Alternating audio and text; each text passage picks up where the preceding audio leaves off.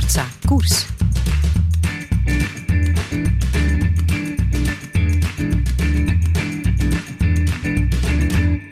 Welkom bij een uh, nieuwe aflevering van uh, Sportza Koers, de podcast waarmee we al enkele jaren uh, bezig zijn om ja, een blik te gunnen achter de schermen, maar ook voor de schermen van het Belgische en internationale wielrennen. En vandaag zijn we zeer blij dat we het kunnen hebben over niemand minder dan Remco Evenepoel met mensen uit zijn directe omgeving.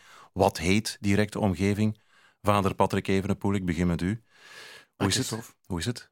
Goed. Ja, um, alles op de VRT geweest? Want we nemen deze podcast op uh, in de gebouwen van de nee, VRT. Nee, het is de eerste maal dat ja. ik hier ben. Als Brusselaar eigenlijk, want Als het is niet zo ver vandaan. Hè? Nee. nee. niet echt. Aan de andere kant kijken we naar uh, Anthony Pauwels, vaste osteopaat van uh, Remco Evenepoel. Dag Anthony.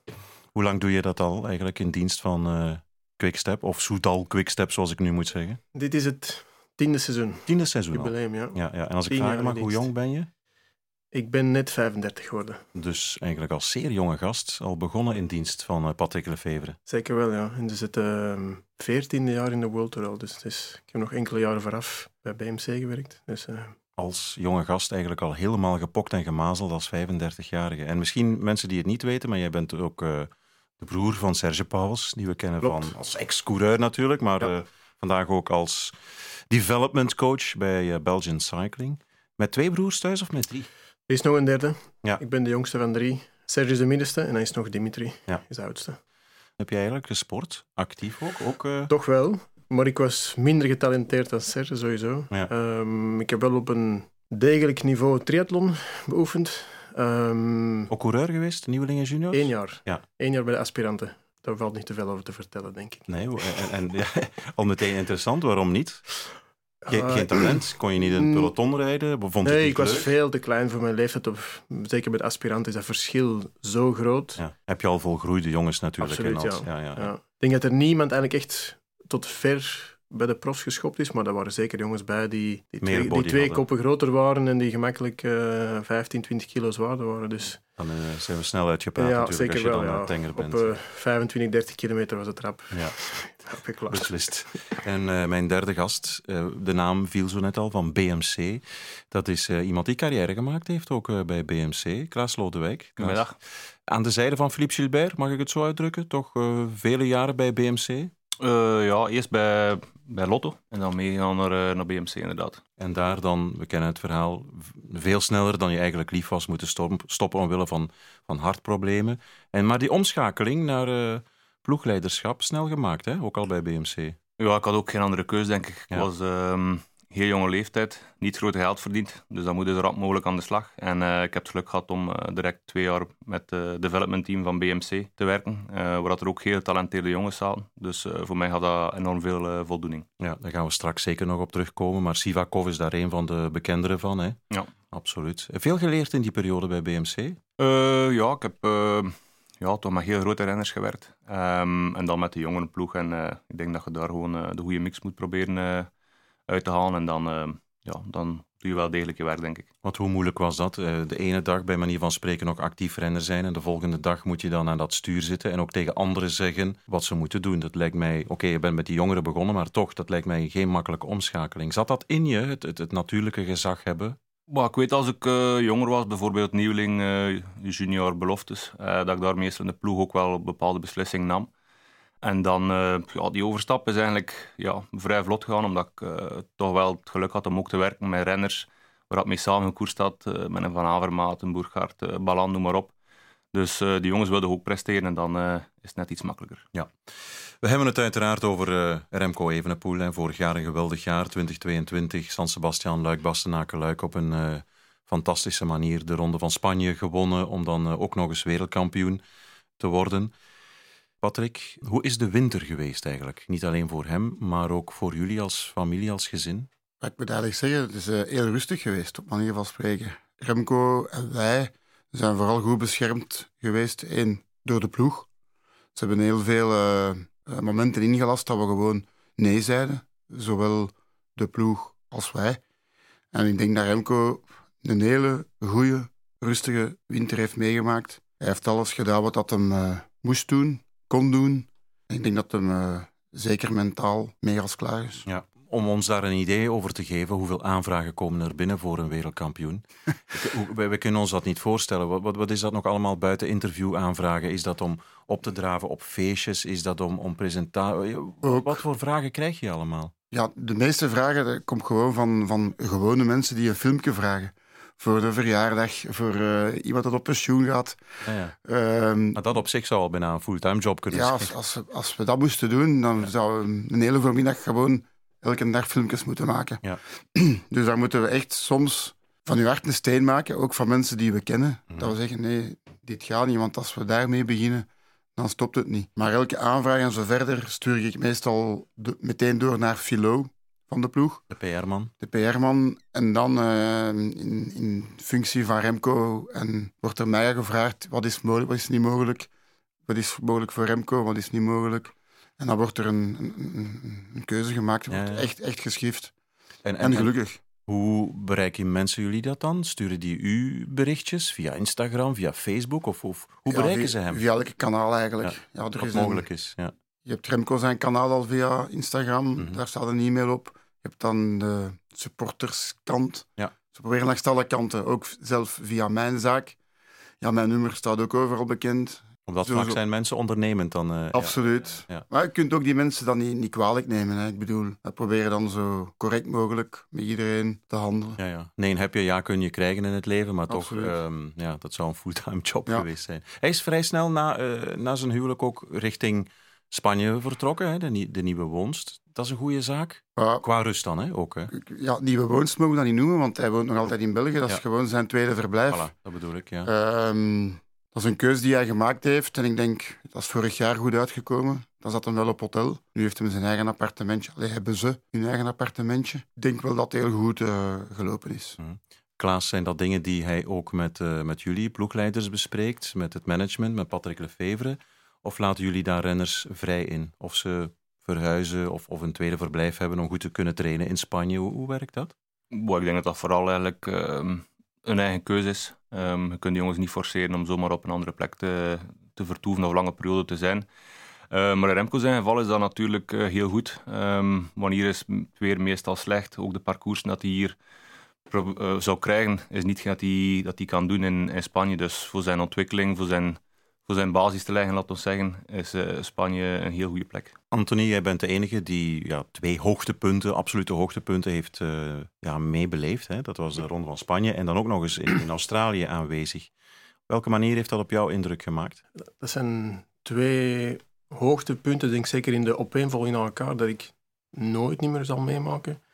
Plus het feit dat het voor alle twee het eerste keer was, een eerste keer grote ronde, plus eerste keer wereldkampioen, laat ons hopen dat dat nog een vervolg krijgt. Maar die combinatie, ja, dat, ja, dat ga ik nooit meer meemaken. En het heeft zeker een enorme positieve vibe van mij achtergelaten. Hè. Om heel de winter uh, ja, naar het nieuwe seizoen uit te kijken. En, en, en zeker dat hij nu uh, in die regenboogtrui overal mag starten. Ja, heeft ja. Uh, veel indruk gemaakt, ja.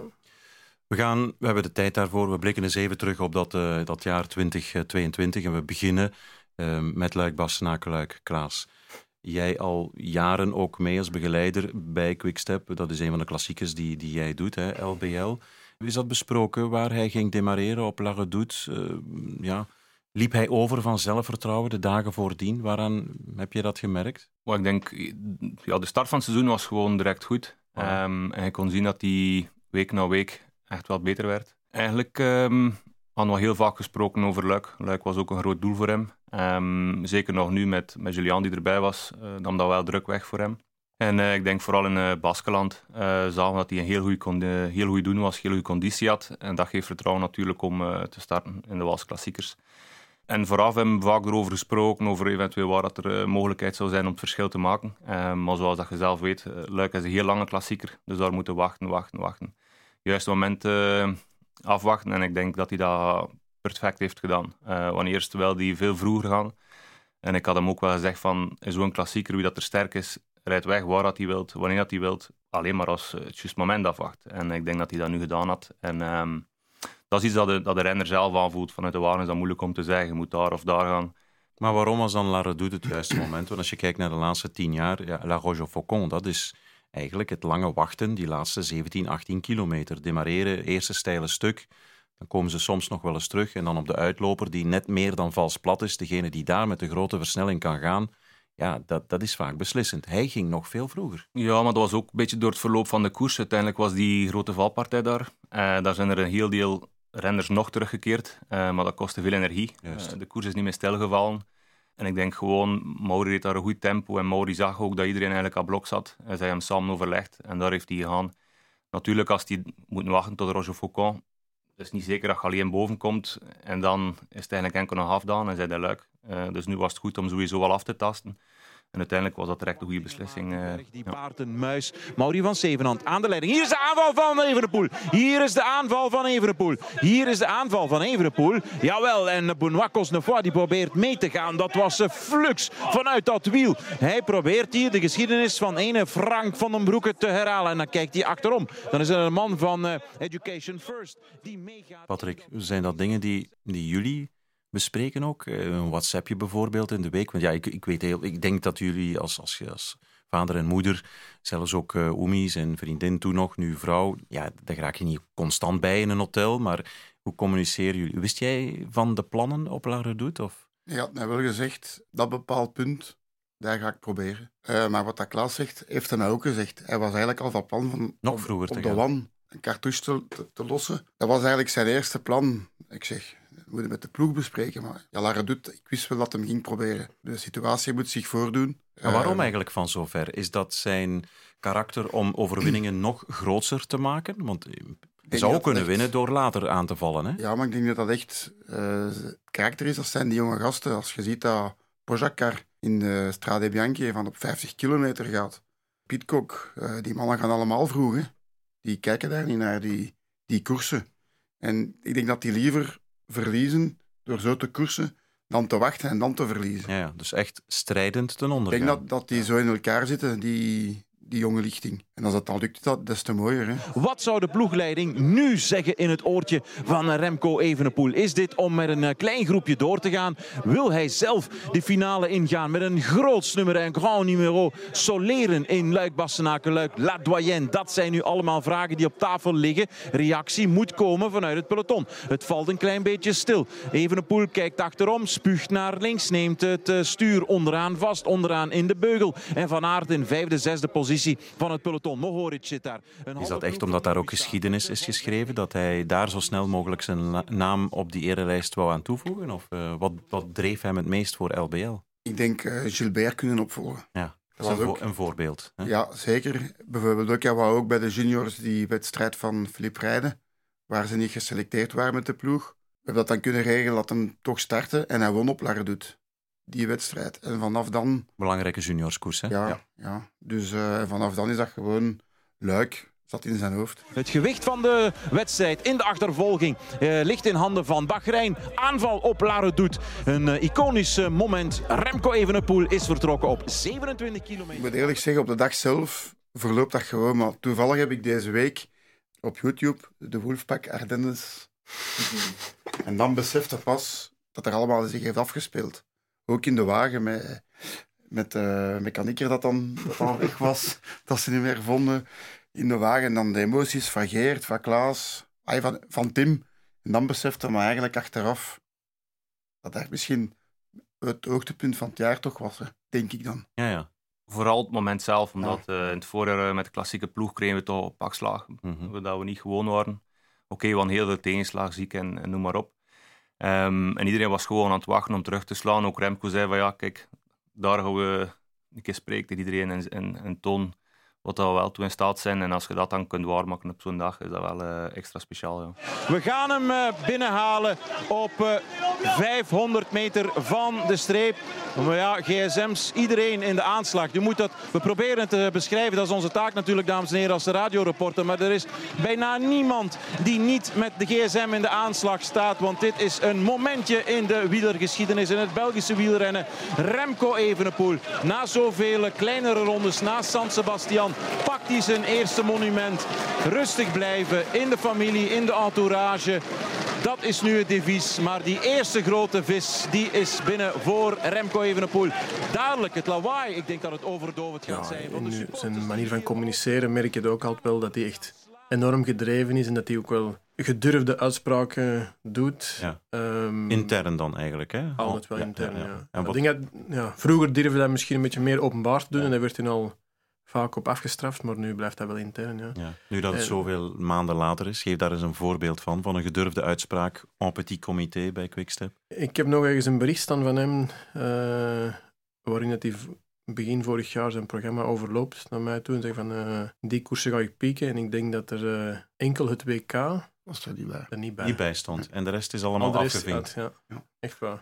en ik heb nu voor 2023... Dus de Vuelta stond daar ook bij afgevinkt. dat stond erbij, ja. Ja, ja. Ja. En voor 2023 heb ik ook al het bericht staan, maar ik ga dat... Dat eh, gaan we nu nog we niet, eh, vermelden. nee. Deze podcast wordt pas, pas uitgezonden in september 23. ja. Ja. ja, dat typeert misschien wel de allergrootste, denk ik. Hè? Om, om zo op die grote afspraken daar eh, aanwezig te kunnen Ja. zijn. Zeker wel, ja. Ik denk dat het ook zelfs zo specifiek bij hem gaat dat hij zegt van ik kan vroeg vertrekken of dat hij zelf zegt, voorspelt wanneer dat hij eh, gaat aanvallen. Ik denk het eerste moment dat ik dat van hem herinner was in de Ronde van Polen, enkele dagen nadat Fabio gevallen was. Aankomst Bukovina, Ja, toen hij won met het toen hij won.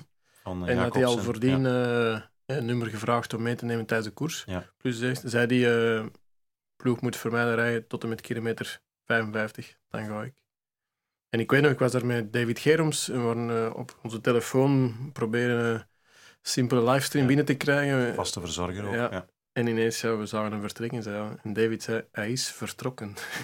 Zo ja. ja. Klaas, is dat dan ook eh, professioneel zijn in die mate dat hij zo met een parcoursverkenning bezig is? Om, om uit te stippelen van, ik ga dan... Ja, Laredoet kent iedereen uiteraard. Hè? In een ronde van Polen kan ik mij inbeelden dat hij zo'n parcours moet eh, bestuderen op voorhand. Hoezeer Ja. is hij daarmee bezig? De renners hebben de tools om, om het parcours te bekijken. Ja. Ehm, dat ook- Veloviewer, dat soort ja, apps. Ja. allerlei zaken. Ja. Ehm, maar ik denk dat hij dat ook voor hem persoonlijk nodig acht. Om, om zo'n uitspraak soms te doen naar mensen binnen de ploeg. Om zichzelf ook super gemotiveerd houden, scherp houden. Iedereen scherp houden trouwens. Eh, dus ik denk niet dat dat enkel Remco is die dat doet. Ik denk dat er nog toppers zijn die dat doen. Om eigenlijk ja, de, de, de mensen rondom je, ja, zoals je zegt, scherp te zetten. Want je zou kunnen redeneren, als je kopman bent en een topper, dan komt dat vanzelf bij de entourage. Maar dat is niet altijd het geval dan. Je hebt dat ook nodig als coureur. Ja, omdat bijvoorbeeld, ik zeg maar iets, als je begint op kop te rijden met een Pieter Serie, zeg je van kijk, daar ligt je finish. Juist. En dan kun je nog net dat tikkeltje meer. En ik denk dat dat bij andere renners net zelden is. Zoals we bijvoorbeeld in de Vuelta een aantal keer bergop hebben gezien in het geval van Vervaken, van Wilder, daar ligt jullie streep en dan is het aan de kopman. Inderdaad, ja. San Sebastian, daar gaan we dan naartoe. Na hoogtestage, rustig, eh, Patrick, in de opbouw richting de Vuelta, want dat was het achterliggende idee. Daartussen neemt hij dan San Sebastian, komt eigenlijk door, door een zeer goede trainingsopbouw vrij fris aan de streep en rijdt daar ook weer iedereen naar huis. Was dat het, eh, het plan? Ja, vermoed ik, want een topper wil, wil winnen, maar op deze manier, ja. Ik, ik herinner me dat ik hem de vraag stelde: waarom ga je nog naar San Sebastian? Gewoon dat dagje over en weer. En dan was het ook een aangevinkte koers. hè. Ik ga gewoon daarvoor, zei hij toen. Oké, ja, doe maar. Voilà. De ploeg die hem eh, begeleid heeft vandaag. De ploeg die hem eh, de rode loper heeft laten uitrollen. En dan vertrok hij. Maar het was ook belangrijk voor hem. Ik denk dat Anthony kan dat beamen. Dus ze hebben vooral gewerkt op hun, op hun drinken en eten. Dat was de laatste test om nog een keer te, te zien welke gelletjes, welke drank, welke temperatuur. Het was zeer belangrijk voor hem dat hij in San Sebastian nog eens kon puntjes uitwerken, zogezegd. Remco Evenepoel vraagt het publiek om te juichen. En ze mogen dat doen. Kijk eens, en wij kijk eens. juichen mee. Geniet ervan, Remco Evenepoel. Dikke, dikke proficiat. Dit is het einde van een solo van 45 kilometer. En de Spanjaarden gunnen het hem. Hè. Ze gunnen het hem. Hè. Dat moet je ook doen als je zo'n een prestatie geleverd hebt. Alsjeblieft. Remco Evenepoel wint voor de tweede keer San Sebastian na een demonstratie van 45 kilometer. Solo binnengekomen, alles en iedereen naar huis gereden. Op 22-jarige leeftijd. Want leg dat nog eens uit, Anthony. En, ja, eh, we kennen de brede verhalen. Hè, dus op, op sta hoogtestage geweest. Nadien ook nog twee weken, denk ik, in het zeer hete eh, Spanje. In, In, in het hoogtehotel. Maar dan op laagte getraind. Om het kwartier drinken, ijs. Om toch maar ja, dat, dat proces van een mogelijke hete Vuelta te simuleren. Hoe is dat Ja, dat is eigenlijk gewoon meer een, een protocol dat ze hebben getest. Hè, om te kijken van eh, ja, hoe, hoe kan hij dat verteren. Het aantal Ehm, koolhydraten, suikers. Ja, dat is inname. een apart stuk natuurlijk. Dus de hitte is één ding, maar het eh, verteren van de koolhydraten is een andere zaak. Ehm, de combinatie van de twee is ook natuurlijk eh, belangrijk om te zien of ze dat, hoe goed dat hij dat echt zelfs verteert. Ehm, ja, ze hebben voornamelijk eigenlijk gaan experimenteren of gaan uitproberen tot hoeveel gram koolhydraten hij per uur kan opnemen. Want alles is trainbaar enigszins.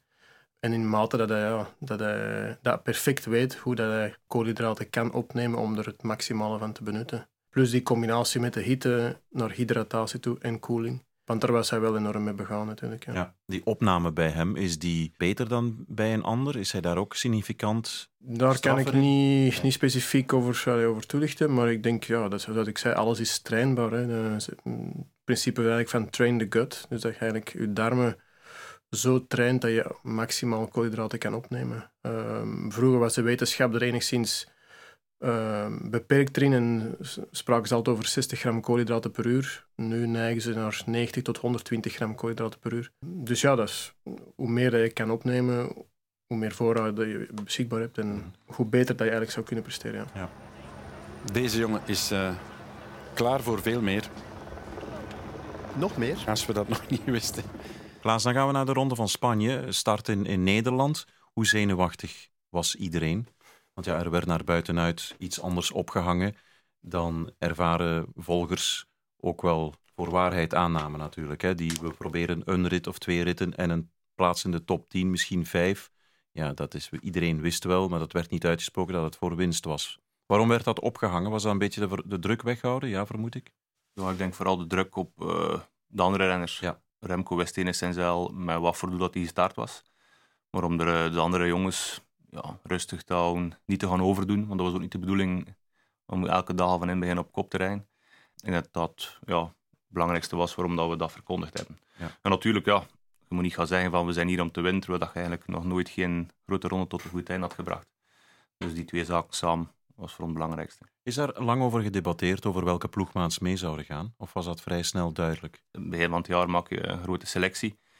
En naarmate van geblesseerde of geen geblesseerde eh, verandert dat wel een beetje. Maar uiteindelijk, de jongens die erop stonden, hebben gestart en waren allemaal een heel goede doen. We hebben dat gezien van begin tot einde Ja. in de Vuelta. Ja, want als je, ik pik er nu twee uit. Ilan van Wilder, eh, bij DSM begonnen aan de Ronde van Spanje, maar na een paar dagen al meteen uitgestapt. Die had totaal geen ervaring. Louis Vervaken wel, hè, zeker de Ronde van Italië bij, eh, bij Sunweb en zo, maar toch ook was niet 300% zeker wat voor een goede Vervaken gaan we zien. Dat is allemaal goed uitgedraaid, maar was dat een berekend risico? Tuurlijk was dat een berekend risico, want ehm, uiteindelijk hadden we, moet je zeggen, wel eh, met Alaphilippe en Deveneins twee jongens mee met heel veel ervaring. Ervaring ja. eh, die de ploeg echt wel rustig kunnen houden. Maar natuurlijk met een Milan die eigenlijk zijn eerste echte grote ronde heeft mogen zijn. Drie weken aan een stuk op hoog niveau houden was, was niet gemakkelijk, maar ehm, ja, ik denk dat hij zelf heeft getoond wat voor groot dat talent dat hij is. En ehm, ja, dat belooft voor de toekomst. Hoe speciaal was dat eerste moment op Pico Llano? We zijn dan rit 6 in de Ronde van Spanje, in, in barre weersomstandigheden. Ik zou bijna zeggen apocalyptische omstandigheden. Patrick pakt hij dan voor het eerst in zijn carrière leiderstrui in een grote ronde. Jullie waren nog thuis, jij en je vrouw denk ik, nog niet Ja. in Spanje. Hoe beleefd, hoe gevolgd, wat voor een gevoel? Ja, voor tv. Ja.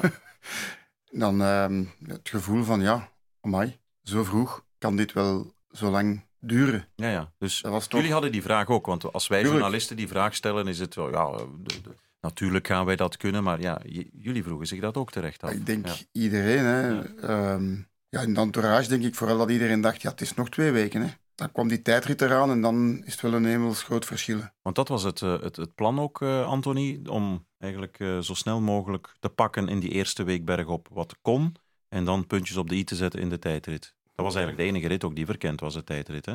Ja. Maar ik denk dat Klaus dat ook kan beamen, dat, hem eigenlijk, ja, dat hij voornamelijk met die gedachte zat van ja, pakken we dat ik kan meepakken.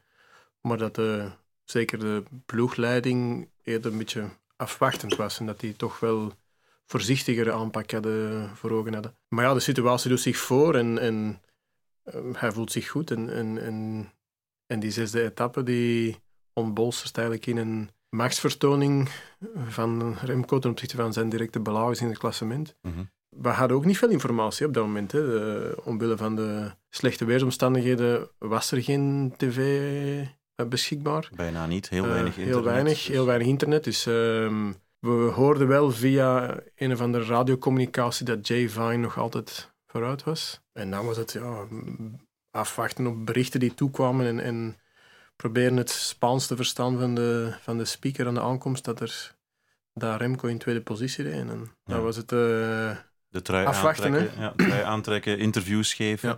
En dan viel mij op dat hij ja, meteen heel ja, weer tot de orde van de dag komt. Hè. Ik, ik keek op, op de mobilofoon van, Ja. eh, van de PR-man, meteen vragen van hoeveel seconden heb ik voor. Mhm. Ik herinner mij nog dat hij zei in het Engels, we are going, going to make a plan. Dus al meteen Ja. bezig met de dag nadien.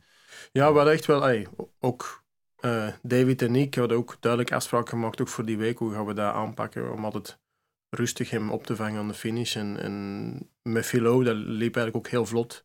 Op dat moment nog niet wetende dat we dat nog voor meer dan twee weken zouden doen, maar we gingen er alles aan doen om, om niks aan het toeval over te laten, dat hij optimaal zou kunnen recupereren en, en, en dag per dag bekijken. Dat is iets dat we veel hebben herhaald, maar dat is toch wel, eh, toch wel zo gebeurd. Hè. Dan moest hij de berg af samen met, met jou en met de verzorger David.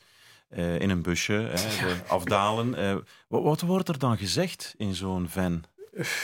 Is het Ja, dan stil? is- Zet zijn dit- hoofdtelefoon op met muziek? Nee, op de, eerste dagen is dat zeker, was hij heel, nog heel euforisch. hè, En, heel, en vaak ook de, de etappe zelf nog eens helemaal herbeleven, terugvertellen. ehm, ja, en soms heel gedetailleerd over andere renners, hè, dat die, die waren daar aan het afzien en, en, en die was daar goed. En, eh, ik herinner mij zeker nog van die etappe dat hij heel duidelijk kon zeggen dat hij enorm onder de indruk was van de prestatie van Julian. En dat hij, ja, hij kon zich toch wel soms blij maken dat hij bijvoorbeeld Roglic een keer had pijn kunnen doen of Maas een keer heeft zien afzien. En Mhm.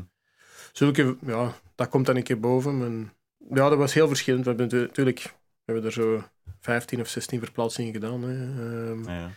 Er zijn momenten bij dat hem niet veel zegt, maar ik kan me niet herinneren dat hem eh, langer dan 10 minuten geslapen heeft over al die verplaatsingen tezamen. Dus. Wat ook straf is, hè, Ja. toch? En hoe pakt een vader dat dan aan? Wanneer kan, kan die hem bereiken? Of zeg je dan klaar, ik laat hem even met rust, ik zal vanavond eens bellen of een berichtje sturen? Nee. Of is dat meteen ook van proficiat, Nee, nee. jongen? Hoe gaat dat? Wij laten hem ook gerust. Meestal stuurde hij zelf eerst. Wat ik meestal doe, dat is gewoon s s ochtends succes en een vuist. En als ik dan twee vuisten terugkrijg, Dan weet je van, het is in orde of vandaag. een duim, Ja. en meer, meer, meer is dan niet. Dus Ja. we hebben ook geleerd van afstand te nemen op dat vlak. Ook hem, hem gerust te laten. En dat, dat moet ook zo. Is dat moeilijk als een vader? Want ik kan mij perfect voorstellen, je, hebt, je bent zelf ook coureur geweest. Ehm, niet zo'n lange carrière, wel Wallonie gewonnen, ehm, maar niet in vergelijking, hè, met alle permissie mag ik dat zeggen, in vergelijking met, met, met nee, Remco. Dat valt niet En- te en- vergelijken. Ah, maar ik denk, ik kan me wel in de gedachte verplaatsen dat je een soort van vroege droom van vroeger ziet verwezenlijkt worden nu in die van je zoon. En dan is dat toch niet zo, moeilijk, niet zo makkelijk om afstand te houden eh, en, en daar dicht op te zitten. En, Ja, maar daar Ja. denk ik eigenlijk niet aan, aan, aan nee, mijn droom. Het is, het is zijn leven. ja. Maar het loslaten, dat bedoel ik. Is dat makkelijk ook als vader? Van, van, Ja, achteraf bekeken wel, maar zolang dat bij de juniors was en die, dat eerste jaar, ja, dat kunnen we beamen, moesten wij ook een paar punten aan hem zeggen van pas op voor dit, pas op voor dat. Achteraf leert je daar ook bij. Hij is met zijn job bezig, hij heeft ook heel veel geleerd. Dat jaar dat hem eh, niet gekoerst heeft, heeft hem enorm veel bijgeleerd en dan weten we, het is goed. Hij heeft de goede mensen rond zich en hij vertrouwt iedereen binnen de ploeg rond hem en dat is eigenlijk, voor ons is onze taak gedaan. hè. ja. We houden ons nu bezig met al wat dan niet met de sport te maken heeft. Hm. Eh, was hij iemand, een jonge gast, een tiener, een puber, die, die veel van zijn pa aannam? Of jullie vaak conflicten gehad? Dat jij raad gaf en zei van, ja manneke, jij moet het nog gaan doen. Ik ben prof al geweest, ik zou het zus of zo doen. En dat een tiener, een puber zegt, nee, ik, ik doe het op mijn manier. Eh, va- Zo, vaak zo is conflicten? dat gelopen, ja. Ja, Ja, ja. Eigenlijk wel, wat dat opviel, als je hem iets zei, dan antwoordde hij van, uw tijd is voorbij. en uiteindelijk heeft hij... Right in your Heeft face. hij gelijk. Ja, ja, ja. ja, dat is waar. Maar dan weet ik bijvoorbeeld van David, dus de verzorger, ken ik al 30 jaar. Mhm. Dan wat hij, laat David mij dan wel weten, ja, pas op, hij heeft wel gezegd, papa had gelijk. Maar hij zal dan nooit... Rechtstreeks tegen jou zeggen. Dat want is ook niet nodig, hè. Nee, nee, dat is waar, ja. Maar dat is dan belangrijk toch wel mee. dat je achteraf verneemt, ze, ze hebben, hij heeft het opgepikt. Dat is echt dat is van grote waarde. Dus. Ja, Je zegt iets, hij neemt het wel mee. je doet er iets mee, dat is voor hem. Maar nu zijn we eigenlijk op een, in een fase dat dat niet meer Ja. nodig is. Hè. Moet je gewoon, als ze thuis komt, moet hem thuiskomen. Dat is het belangrijkste. Op zijn gemak zijn. Ja, Voilà. Klaas, nog even terug naar die eh, ronde van Spanje. Eh, Anthony gaf het al aan. Het was misschien niet de, de ambitie of het plan van de ploeg om zo vroeg dat rood al te pakken. Wat was het plan dan wel? En hoe heb je dat beleefd vanuit de auto wanneer je ziet dat, dat iemand beslist van ik voel mij zo goed, pak de rode trui. Dan is dat daar, na de arrivé, na de aankomst. En dan moeten jullie als ploegleiders daar mee aan de slag en een plan gaan maken. Hoe is dat verlopen? Wel, het was zo, ik ben de dag voor de start was ik positief getest op, eh, op COVID. Ja, Dus eh, dan heeft ehm, Geert van Bont en eh Davide Bramati overgenomen. Ik heb mij ook eigenlijk niet bezig gehouden toen met sportief, omdat ik zat thuis en zij waren daar. Het enige dat ik wel meegaf was eh, de powerpoints en al het werk dat ik erin had gestoken, dat ze de renners kon brieven. En ik denk dat ze dat heel goed gedaan hebben. Ze hebben begonnen met eh, de renners veilig door Nederland te loodsen. En dan direct eh, naar het Baskeland te gaan, waar Remco nog maar net supergoed gepresteerd had. Eh, ik denk, Remco had vooral ook een doel om de, de leiderstrui aan te nemen. Ook al was dat maar, zeg maar iets voor een dag, had hij gevoeld dat er meer eh, of, of niets meer in zat. En dat was maar zo. Maar ik denk dat je direct voelt hoe dat de tegenstand op dat moment eh, zelf rondfietst. En dat je ook wel weet in een grote ronde, als je kunt seconden pakt, moet het niet, niet laten liggen. En ik denk ja, dat hij dat heel goed heeft gedaan. En vandaar verder weten we gewoon dat een rode trui, of de leiderstrui, laat ons zeggen, ja, dat vraagt verantwoordelijkheid. Je moet er een dag persconferentie, je moet dit, je moet dat. Maar aan de andere kant geeft een, een leiderstrui ook enorm veel motivatie. Dat is een beetje een moraalboost voor de ploeg. En ik denk dat we daardoor heel goed door die Ronde van Spanje gekomen zijn, omdat gecontroleerd, je ziet dat er op u afkomt. De andere ploegen krijgen, respect voor hetgeen dat je dag in dag uit doet. En ik denk dat we daardoor eigenlijk eh, de Ronde van Spanje gewonnen. En daardoor zijn ook jongens zoals een Dries Deveneins op zijn bijna veertigste een Van Wilder en Vervaken boven zichzelf kunnen gaan uitstijgen. Heeft een Fausto Masnada, die eigenlijk een geweldige zitvlakblessure had waarmee hij niet kon fietsen, toch Madrid gehaald. Dat bedoel je? Ja. Ja, de renners geven, ja, ze weten, je hebt een leider. Dat gebeurt niet iedere dag. Ja, ja. Je hebt een leider die kan de ronde winnen. Ehm, en dat geeft gewoon zoveel meer energie aan, aan, aan de renners. En niet alleen aan de renners, ook aan de staf. Want uiteindelijk vragen we iedere dag van iedereen het maximum. Eh, ze zijn heel vroeg bezig tot, tot eh, het gaat in de nacht, bij van spreken. Dus ehm, dat geeft gewoon eh, enorm veel energie. Wie vreesden jullie het meest qua tegenstand? Ja, sowieso Roglic. Ik denk, ehm, ik heb dat ook direct gezegd, eh, dagen na zijn valpartij. Je wenst niemand zo'n valpartij toe. Maar voor ons was dat wel een hele grote kandidaat die wegviel. Want dan, ehm, dan moesten we ons enkel eigenlijk nog gaan, focussen op onze dichtste belager. En dat was Mas. En die hadden we toch vrij goed onder controle.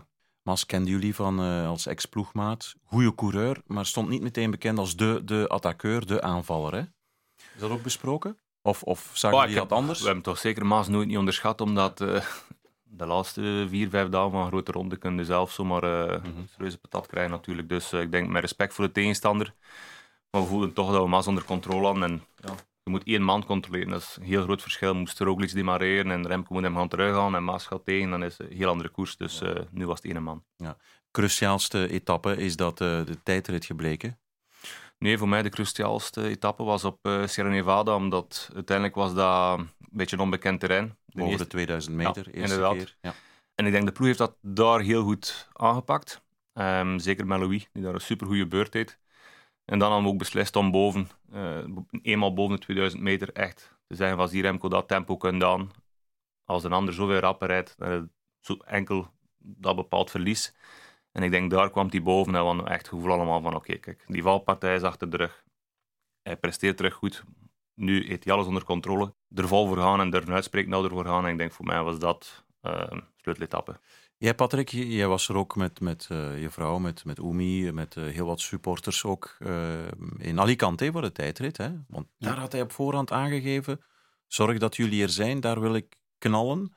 Daar zet hij in zekere zin de Vuelta toch al een klein beetje op slot met die voorsprong die hij daar pakt. Hè? Misschien wel, ja. Dus zoals dat Klaas zegt, we moesten afwachten. Sierra Nevada kwam er nog aan. Mhm. En hetgeen, de voorsprong die hij had, moesten ze maar terugnemen. Hè.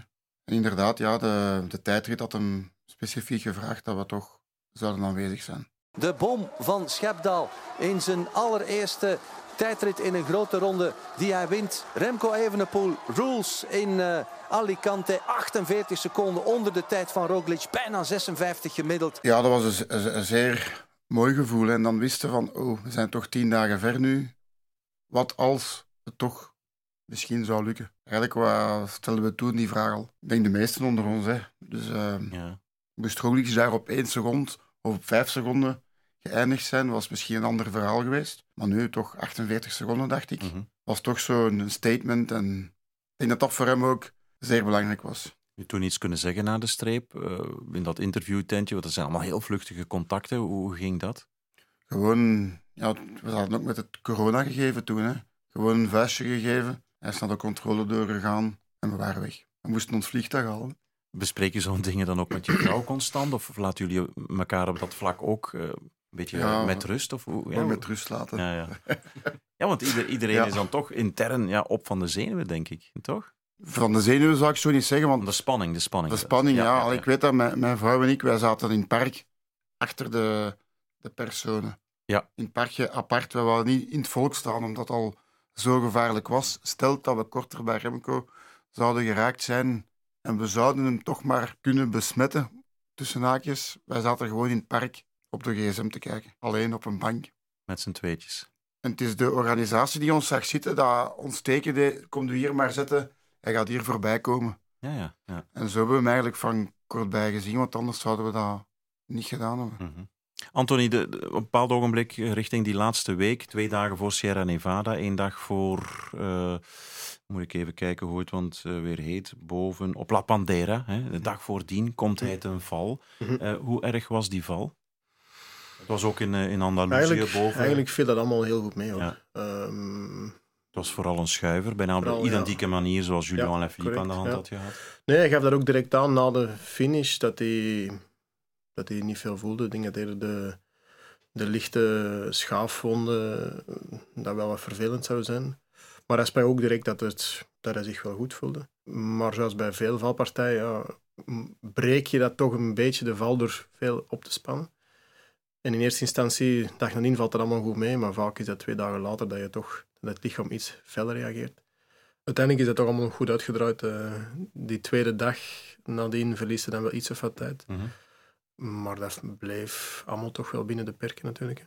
Was dat nog een, een moeilijk moment? Want ja, bovenop die, die steile kol, eh, achteraf zegt hij ook op La Pandera, van die bleek toch steiler te zijn dan we gedacht hadden Ja, eh, in, in de klopt, ja, verkenning op Veloviewer. Dat, dat, dat kwam eventjes binnen, verliest daar wel tijd. Wordt toch spannend omdat het een dag nadien richting die Hm. 2000 meter en hoger op Sierra Nevada is. Dat is misschien het enige momentje dat ik even wat, eh, wat onrust bij me gezien heb. Het was een heel hectische aankomst. Veel mensen op, op een kleine oppervlakte. Waardoor hij dan nog een, zichzelf een weg moest banen richting het podium. Want hij bleef leider. Hij Ja. bleef eh, leider in het jonge klassement ook. Hij is toen uitzonderlijk gestapt naar het podium. Dus heeft de fiets aan, aan mij gegeven.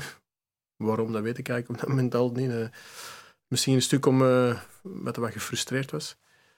Eh, maar nadien zijn we gewoon terug in het dagdagelijkse protocol. eh rollen, ijsvest, alles erop en eraan.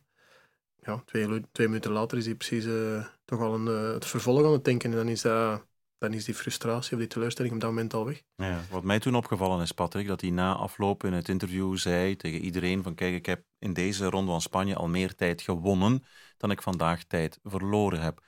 Iemand anders die aan de leiding staat onder hoogspanning in een grote ronde zou misschien ja, gefrustreerder of gepikeerder of, of met meer twijfels hebben gereageerd. Is dat een teken voor de mentale verandering, switch die hij stilaan gemaakt had en, en, en heeft? Dat positieve, de- eigenlijk een negatief feit, Ja. ik verlies tijd, omzetten in positieve woorden. Want het, ja, het gebeurde is gebeurd, je kan het niet terugdraaien, hij verliest tijd, maar hij probeert daar voor zichzelf ook in zijn hoofd positief mee om te gaan.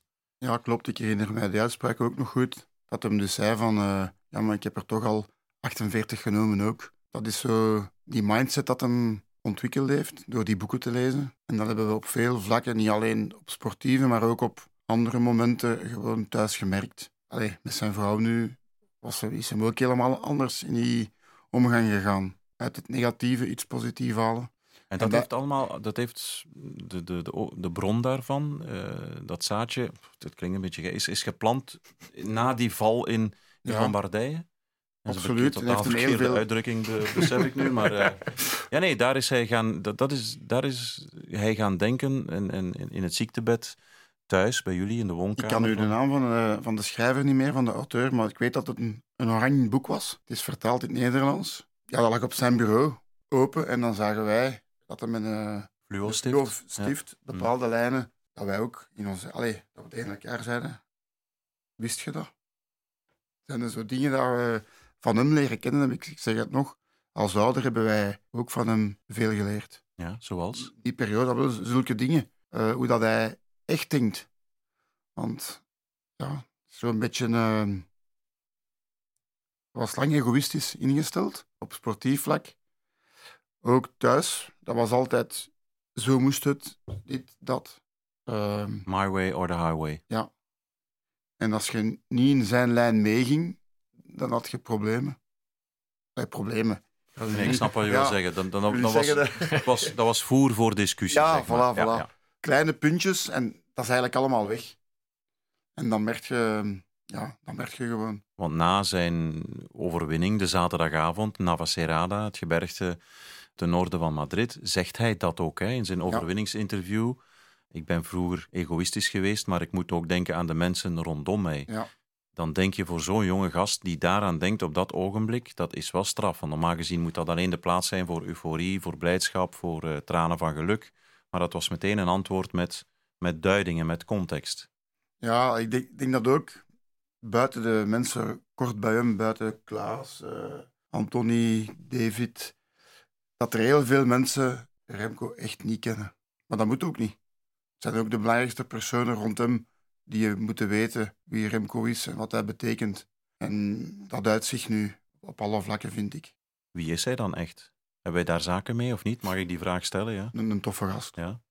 Ik denk dat buiten de koers Ik denk, ik denk naar Haaslik dat er veel zijn hier, waar je mee kunt babbelen, plezier maken. En uiteindelijk, ja, hij heeft ook nooit niet echt de kans gehad om, om volledig te ontwikkelen als, als jonge gast ook. Hè. Je zag vroeger de voetbal, het ging super hard. Hij komt als junior eh, wereldkampioen worden bij disciplines. Hij wordt, profs, hij, wordt, hij wordt prof, hij presteert direct bij de profs. Dus veel tijd had hij niet om, om aan te passen. Hij had alles super snel. Maar dan kon je zien inderdaad hoe rap dat hij dan toch die omschakeling heeft gemaakt. Ehm, en inderdaad, veel mensen kennen hem niet. Zeker ook in de beginjaren. Eh, soms werd hij afgemaakt eh, omdat hij een bepaalde uitspraak deed. Dan dacht ik van ja, eigenlijk is dat gewoon nog een kind die babbelt. Dus eh, een beetje meer verdraagzaam zou ja, op prijs gesteld geweest zijn dat moment. Maar goed, nu is hij ja, de renner dat hij is. Met, met een enorm sterke persoonlijkheid. Ja, want jong volwassen moeten worden. Hè? Inderdaad, jonge gasten van 2021. Wat voor onzin gewoon mensen, jongens in het dagelijkse leven kramen die wel niet uit. Maar daartoe krijgt hij niet de kans, omdat Nee. alles met een vergrootglas wordt, Inderdaad. wordt bekeken. Hè? Ja. Ja. Hebben jullie het daar soms ook over, dat soort menselijke gesprekken met elkaar? Of beperkt zich dat tot, eh, tot het, het sportieve? Nee, ik denk dat wij zelfs veel meer spreken over allerlei dingen die gewoon Niks met de bij, koers bij iedereen in het leven Ja. gebeuren. Ja, nee, los van de koers. Ik denk dat dat belangrijk is als je... Zeker met Remco, we babbelen heel veel. Moest het enkel en- en alleen over de koers gaan, zou dat geen gezonde relatie zijn. Ik denk, eh, ja, belangrijk om over van alles en nog wat te spreken. Hoe, hoe, hoe doe jij dat? eh, of jullie ook, eh Anthony? Jij en, en verzorger David?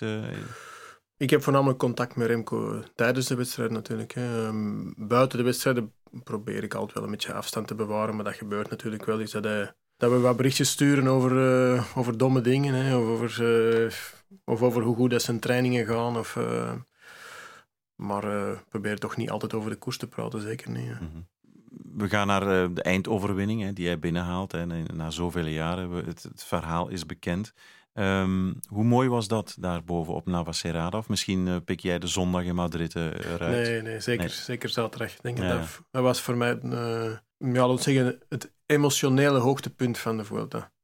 Dat is een, ehm, ik heb al vele jaren in de World Tour gewerkt en, en dat was de eerste keer dat ik er fysiek bij was dat we een, een grote ronde wonnen. En dat is toch onbeschrijfelijk, ja. Beschrijf het toch eens. De bevestiging dat je dan echt hebt dat die grote ronde binnen is, dat is, eh, ja, dat is, dat is een opeenstapeling van emoties die bij velen ook enorm zichtbaar was. En, zeg maar, ik denk dat zeker bij verzorger David op nog geen 10 kilometer van de meter dat besef er eigenlijk al was, dat hij in tranen uitbarstte. Eh Peerman, Philo, ook een emotioneel man, we het zo noemen, Die uh, begon het, het medeleven dan maar ook mee te huilen. Begon iedereen te knuffelen, zelfs de journalisten die niet wisten wat uh, gebeurt hier. Hè?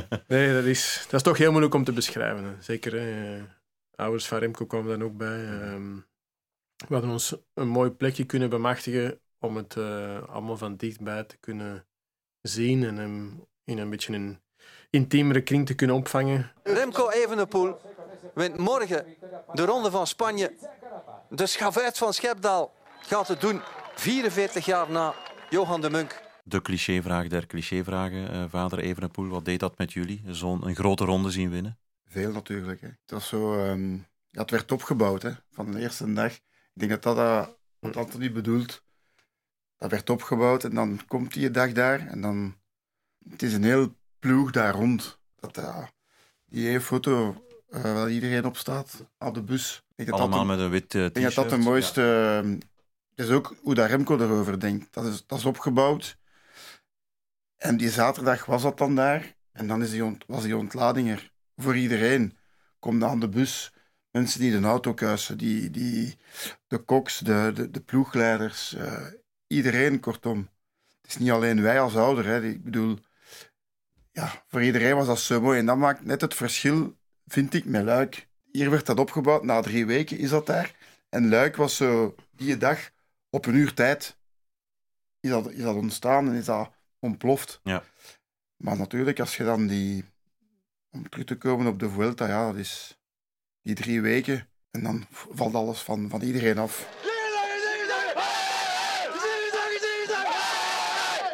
Het is geweldig. Uh, ik ben er zeker van dat iedereen enorm trots is. En uh, ik ben ook enorm trots om, uh, om België weer een grote ronde te kunnen schenken. Want als een, een Klaas, een, een ervaren man als een Dries Devenijns bijvoorbeeld ook zegt, dat is mijn mooiste herinnering. Die heeft de generatie Bonen meegemaakt. Die is eigenlijk de, de adjudant, luitenant van Julien Alaphilippe, tweevoudig wereldkampioen. Dat wil wel iets zeggen, dat ondersteunt de woorden van Patrick. Hè? Ja, ik denk ook dat er niet veel renners zijn in het peloton die ooit in, in een ploeg hebben gezeten of in de selectie gezeten van, van iemand die een grote ronde wint. Ja. Uh, het is niet aan iedereen gegeven. En ook, ja, je moet nog een keer dat geluk hebben om dat mee te maken ook. Uh, dus ja, dat is iets dat, dat opbouwt. Ook bij ons in de, in de Volvo, samen met Geert, uiteindelijk zijn momenten van stress. Maar eigenlijk probeer die stress wat te vermijden, omdat je wilt altijd de goede keuzes maken. Maar je voelt wel, dat is, dat is ja, precies een baksteen die op je, op je borst ligt. En iedere dag wordt die wat zwaarder en zwaarder. En dan plotseling de zaterdagavond valt hij eraf. En dan kun je eindelijk een keer een keer echt genieten van, van, van die overwinning. Want anders moet je altijd bang zijn van, er kan altijd iets gebeuren, je moet klaar zijn van welke ploeg gaat wat doen. Dus daar kun je echt zijn van, oké, eindelijk. Want uh, hoe, hoe zwaar was die stress bij jullie ploegleiders? Bij, bij jou, bij Geert van Bond? We hebben gestart aan de Vuelta en niet, niet met het feit van er mag niks verkeerd gaan. Ik denk dat zowel Geert als mezelf gestart zijn met we gaan zo hoog mogelijk eindigen en dan denk dan de eindoverwinning. Ja. Anders denk ik dat hier en daar misschien een steek laat vallen. Maar ja, zoals ik zei, van, ja, probeer gewoon iedere dag de goede beslissing te maken, goed te luisteren naar uw renners. Hoe voelen ze zich? Ook met informatie van de trainer, van diëtisten, alles samen. En dat is eigenlijk gewoon iedere avond opnieuw dat je de puzzel moet leggen. En maak dat die zo goed mogelijk ligt. En de jongens klaar krijgen voor de dag nadien. En dan de laatste twee, drie dagen was vooral hopen dat er niemand een slechte dag heeft. En vooral de jongens scherp aan. Van oké, okay, het is nog niet gedaan, het is pas gedaan zaterdagavond. Mm -hmm. En ik denk dat dat alles samen, uh, ja, iedere dag de puzzel leggen is. Hoe hachelijk was het uh, lekker bandmoment? In de auto, maar ook bij hem? Eigenlijk niet, niet zo hachelijk, uh, omdat ik had sowieso de, de finale gezien. Ik vond het super technisch, eigenlijk ook wel vrij gevaarlijk. Um, ik heb gewoon morgens direct de UCI-commissaris gebeld en gevraagd of de, de drie kilometer regel was of niet.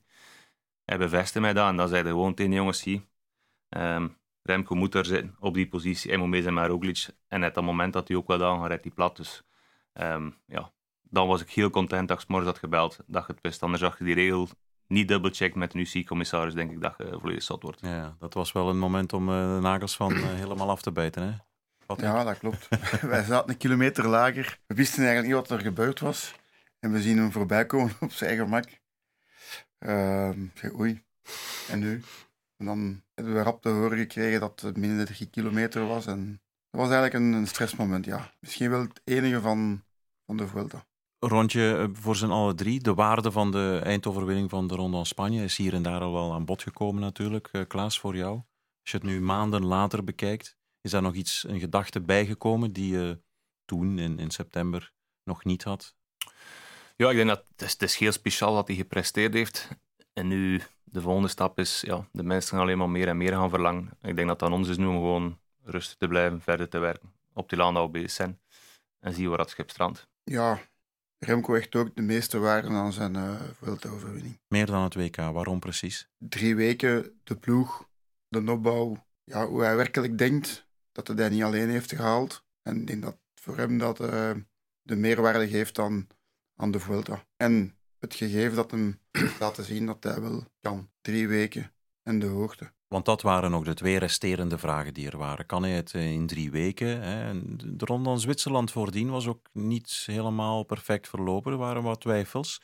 Boven die 2000 meter, dat waren ook twee uh, vakjes die werden afgevinkt. Dat was ook een belangrijk moment, een belangrijke waarde eigenlijk van die zegen. Denk het wel, ja. En, maar het is zoals dat Klaas ook zegt, ze hebben twee jaar geleden doelen gesteld. En ze gaan er allemaal samen gaan ze ervoor werken. Zijn ze mee bezig en ik denk wel dat het goed komt. Mm, ik kan alleen maar bij ze zeggen, maar het is voornamelijk de bevestiging geweest dat, het, dat hij het kan. En ook binnen, binnen de ploeg van Patrick de Vijver. Ik denk dat er van buitenaf dat daar uh, wel wat vragen over waren. Intrinsiek, ja, ik denk dat iedereen wel in geloofde dat hij het kon.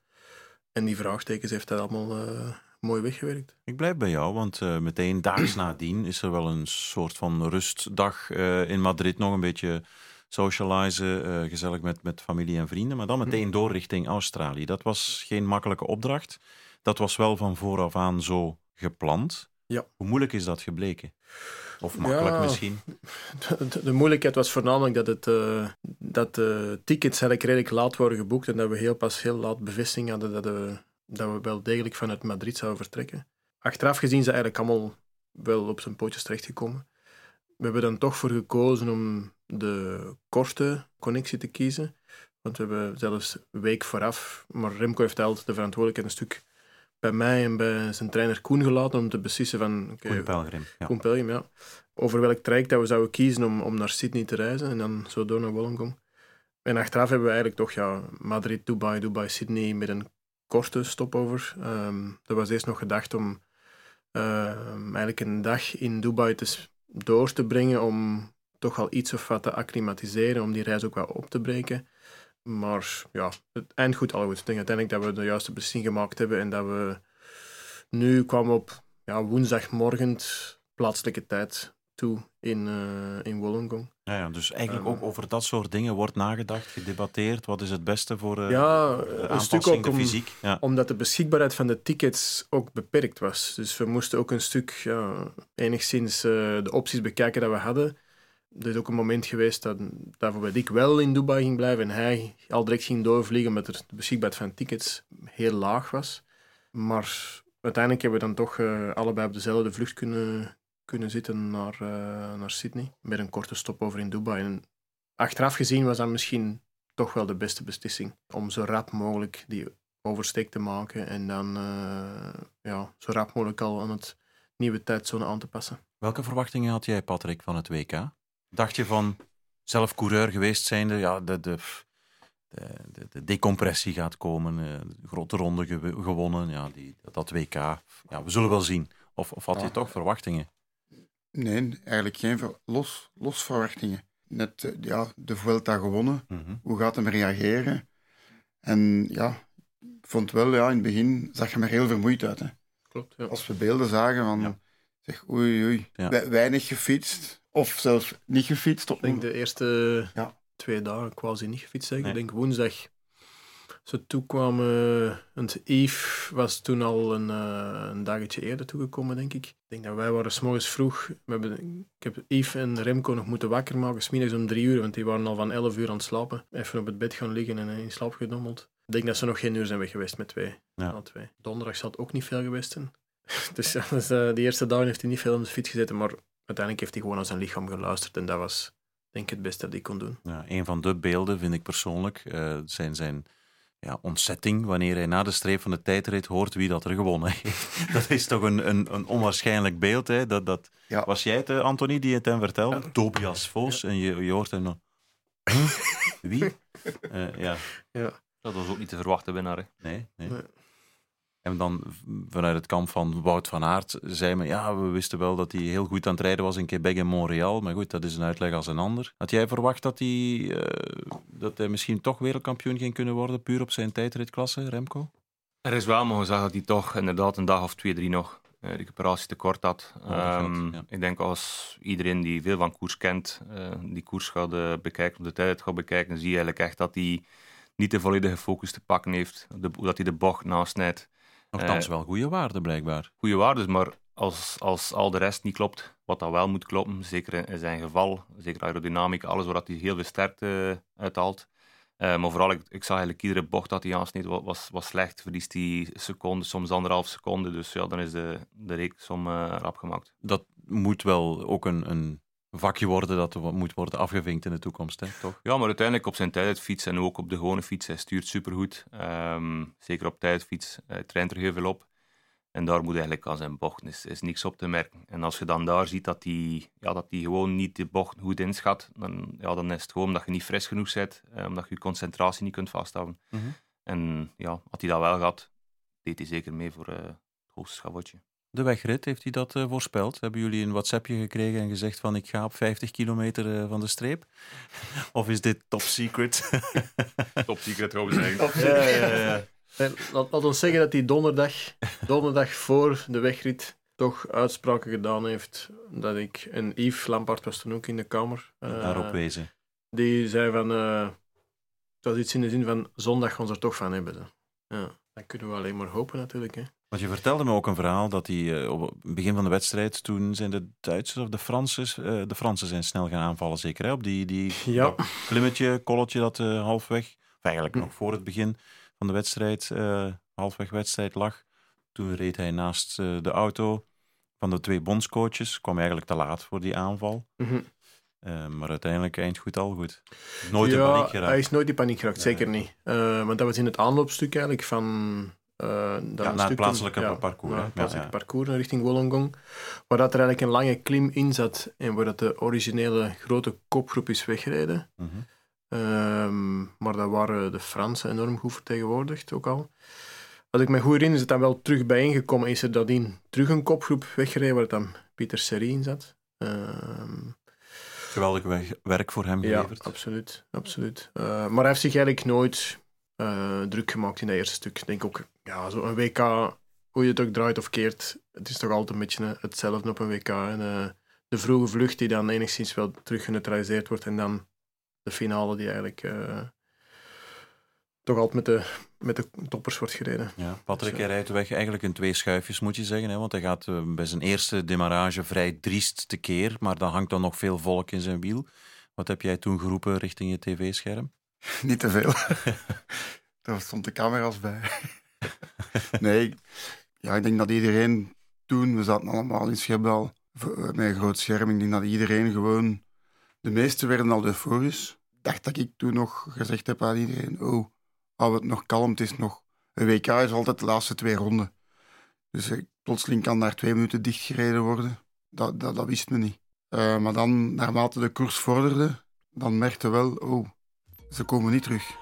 Het WK wielrennen dan in Australië. Daar zitten de mannen in de laatste 40 kilometer.